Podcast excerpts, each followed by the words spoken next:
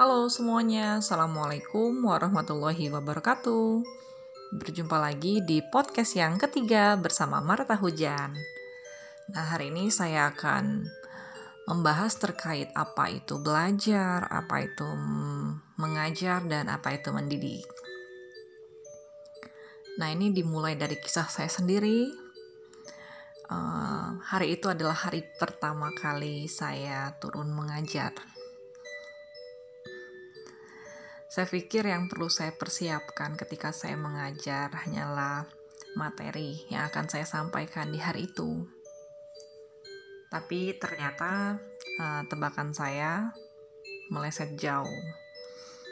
Hanya ada satu anak yang perhatian ke saya pada saat itu, padahal saya sangat menguasai materi dan bahkan saya tidak satu pun materi yang saya tinggalkan ataupun saya tidak sampaikan hari itu. Saya sedih kenapa anak saya tidak tertarik dengan materi yang saya berikan pada saat itu. Dan saya berpikir apa ya yang kurang dari yang saya sampaikan.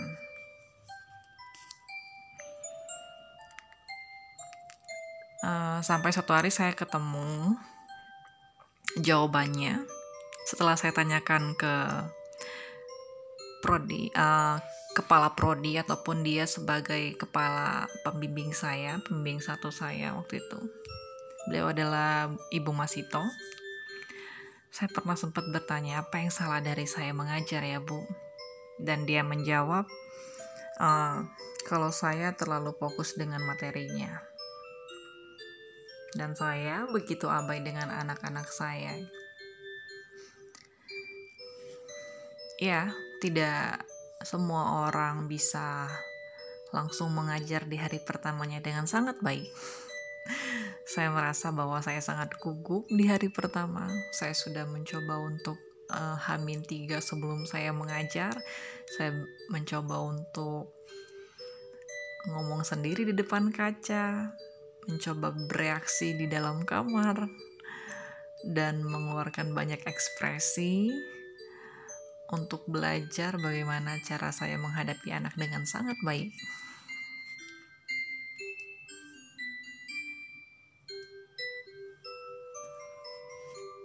Tapi ternyata apa yang disampaikan sama beliau adalah benar bahwa di dalam konsep mengajar bukan hanya materi yang harus saya kuasai, tapi saya juga harus menguasai ruangan saya, anak-anak saya. Saya juga harus menguasai bagaimana cuaca dan hari itu, dan saya juga harus bisa memahami bagaimana perasaan saya sendiri.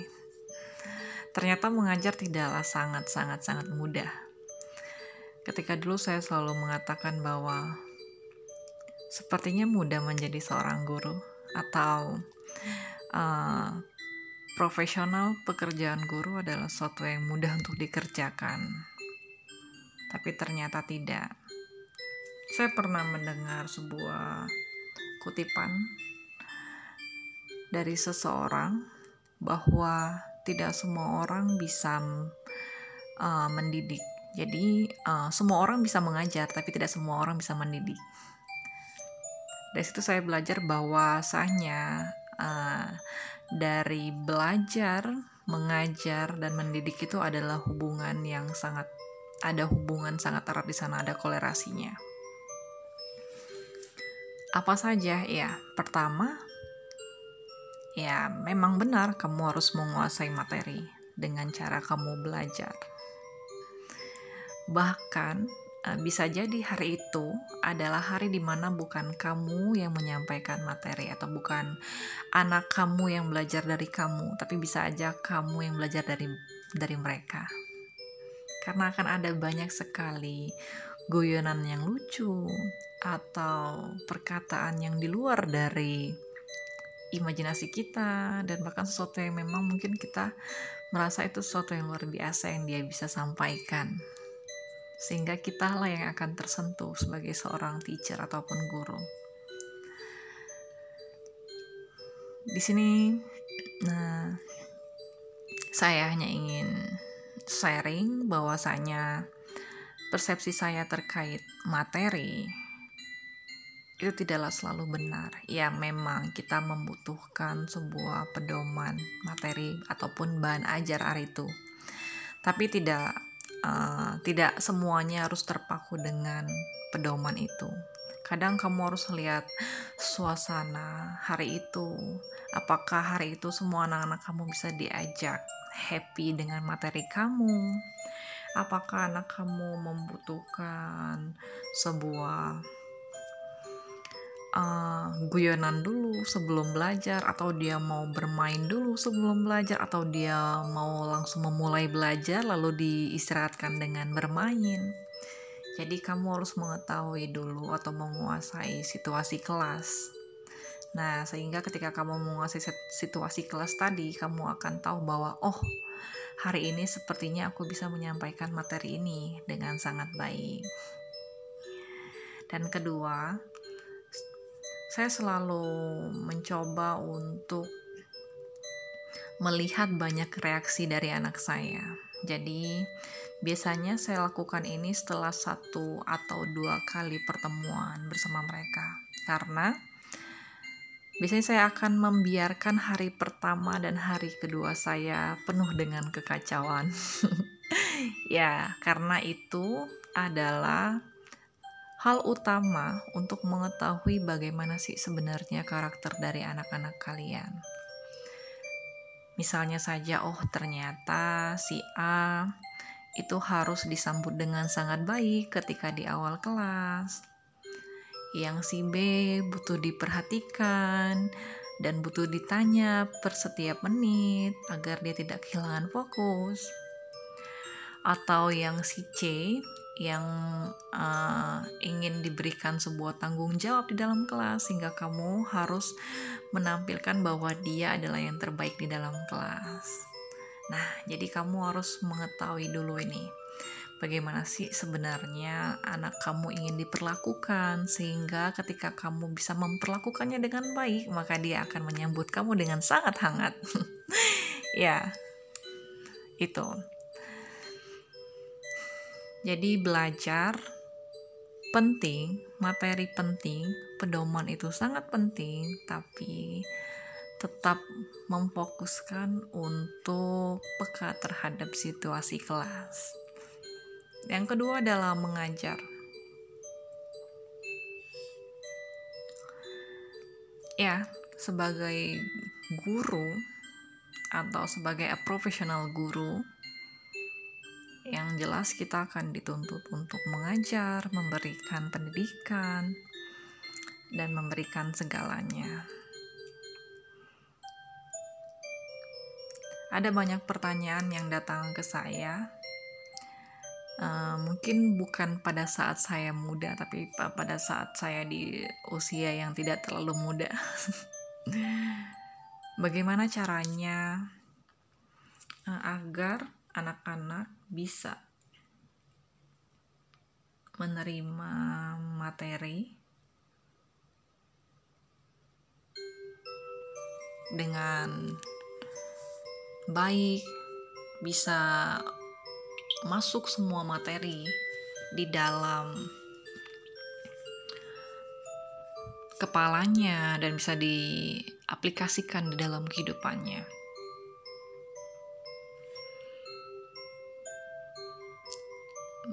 Menurut saya pribadi, mengajar itu hanya sebatas untuk memberikan informasi terkait pengetahuan yang dimiliki oleh sang guru tadi. Misal, dia adalah seorang ahli ataupun dia adalah seorang pendidik di bagian seni, maka dia akan menyampaikan terkait ilmu seni itu apa. Entah itu seninya seperti melukis ataupun musik ataupun seni rupa dan yang lainnya. Nah, dia harus menyampaikan terkait seni itu kepada anak-anaknya.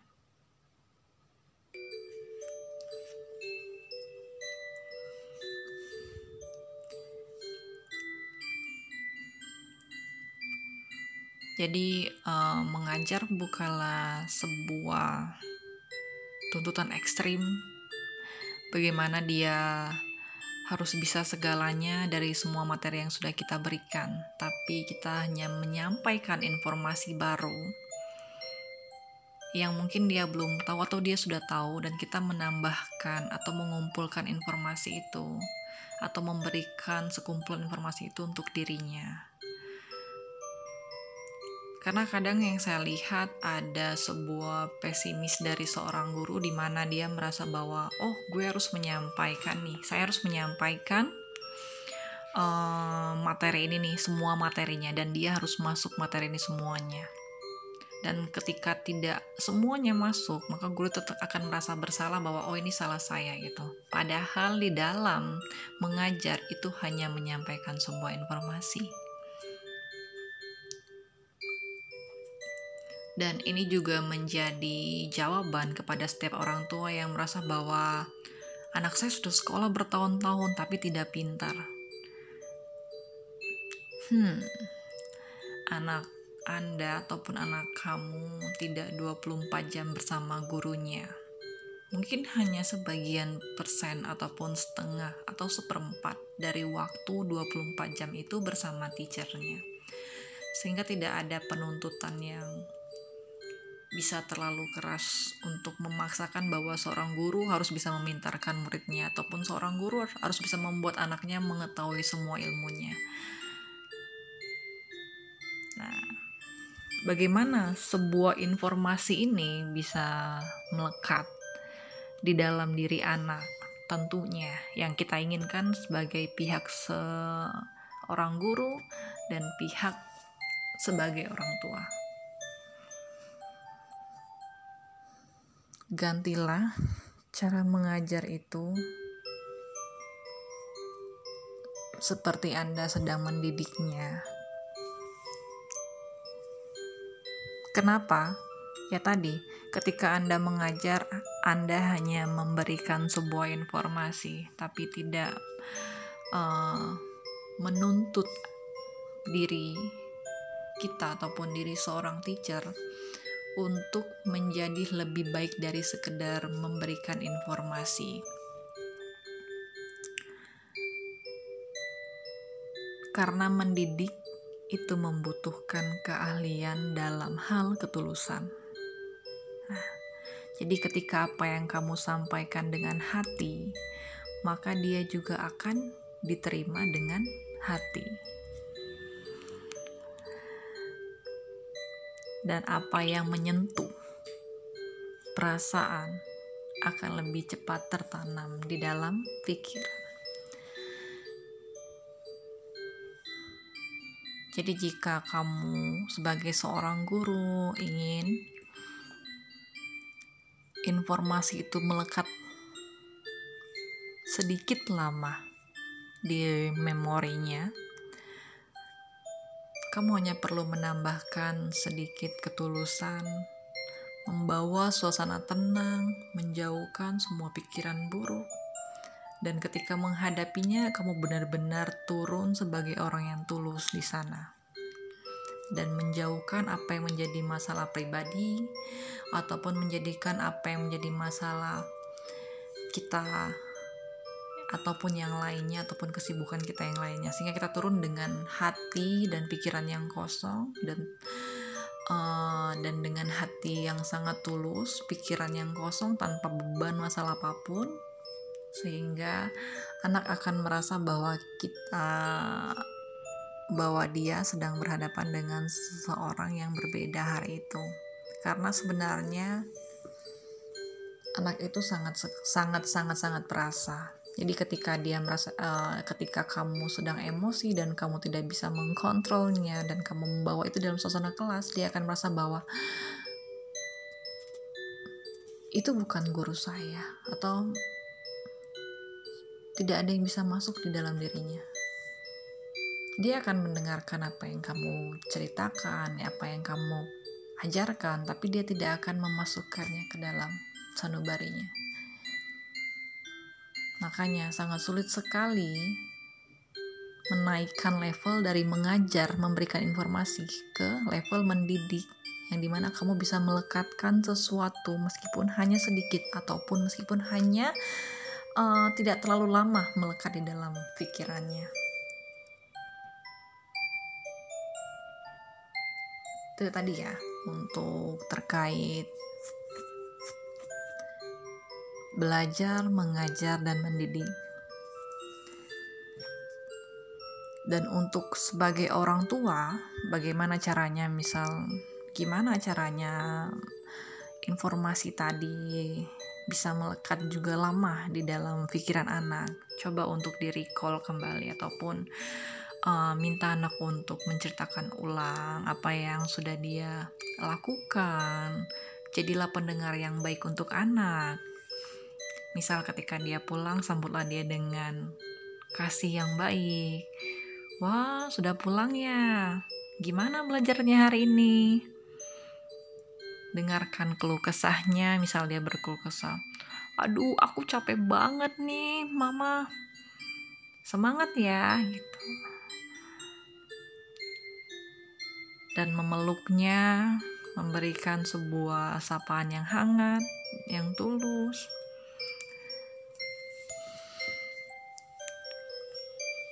Dan itu lebih memungkinkan untuk uh, dia mengingat kembali informasi yang sudah dialaminya tadi. Dan sehingga informasi yang tadi dia coba untuk ingat kembali kamu bisa melihat oh seberapa persen yang dia tangkap atau seberapa persen yang bisa dia ceritakan. Nah misal dia hanya bisa menceritakan 20% dari materi yang uh, dia tangkap hari ini, kamu bisa mengulang kembali untuk memberikan informasi terhadap anakmu atau memberikan pendidikan atau dengan cara melakukan pengajaran dengan mendidik mendidik ya. Jadi tadi kalau mengajar hanya sebatas memberikan informasi, tapi kalau mendidik kamu mencoba untuk membuatnya mengerti akan informasi itu dan mengingat informasi itu lebih lama lagi. Nah, itu. Jadi uh, cobalah untuk bekerja sama dengan gurunya di sekolah. Mungkin kamu bisa memberikan chat terhadap guru-gurunya dan menanyakan, "Bu, boleh saya tanya tadi anak saya belajar apa di kelas hari ini?" "Oh, hari ini belajar tentang seni, seni musik." "Oh, baiklah." Nah, Terus kamu bisa bertanya dengan anakmu, tadi kakak belajar apa? Misal dia bilang, hmm, aku lupa mama. Kamu bisa mengulang, oh, sepertinya tadi mama mendengar dari gurumu bahwa kamu belajar uh, musik ya. Iya, iya. Nah, kamu coba untuk uh, mengasah apa apa uh, informasi apa yang dia terima tadi sehingga dia bisa mengingatnya ataupun kamu membantunya untuk mengingat kembali informasi yang sudah disampaikan. Jadi untuk mendidik uh, belajar uh, belajar mengajar dan mendidik itu adalah tiga kolerasi yang sangat berhubungan. Jadi ketika kamu ingin belajar kamu juga akan mendapatkan sebuah pembelajaran dari anak. Dan tidak cukup dengan materi saja, tapi kamu juga harus menyampaikan dengan sangat baik dan melihat situasinya. Dan ketika kamu mengajar, kamu juga harus mengingat bahwa kamu bukanlah seseorang yang bisa menyampaikan segalanya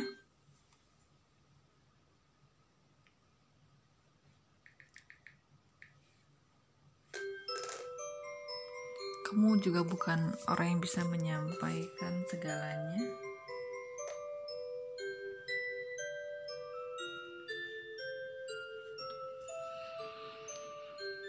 Dan harus diterima dan harus masuk semuanya di kepala anak tadi. Dan ketika kamu mendidih, belajarlah untuk mencoba mengkosongkan segalanya dan memberikan perhatian penuh dan tulus kepadanya. Nah, mungkin itu saja terkait hari ini podcast saya. Terima kasih yang sudah mendengarkan. Hmm, mungkin saya akan mulai mengatur jadwal podcast saya. Mungkin uh, podcast saya akan terbit setiap hari minggu sore. Mohon maaf karena kemarin banyak sekali hal-hal yang memang tidak mendukung untuk membuat podcast ini. Terima kasih, sampai jumpa di podcast yang keempat. Bye bye. Wassalamualaikum warahmatullahi wabarakatuh.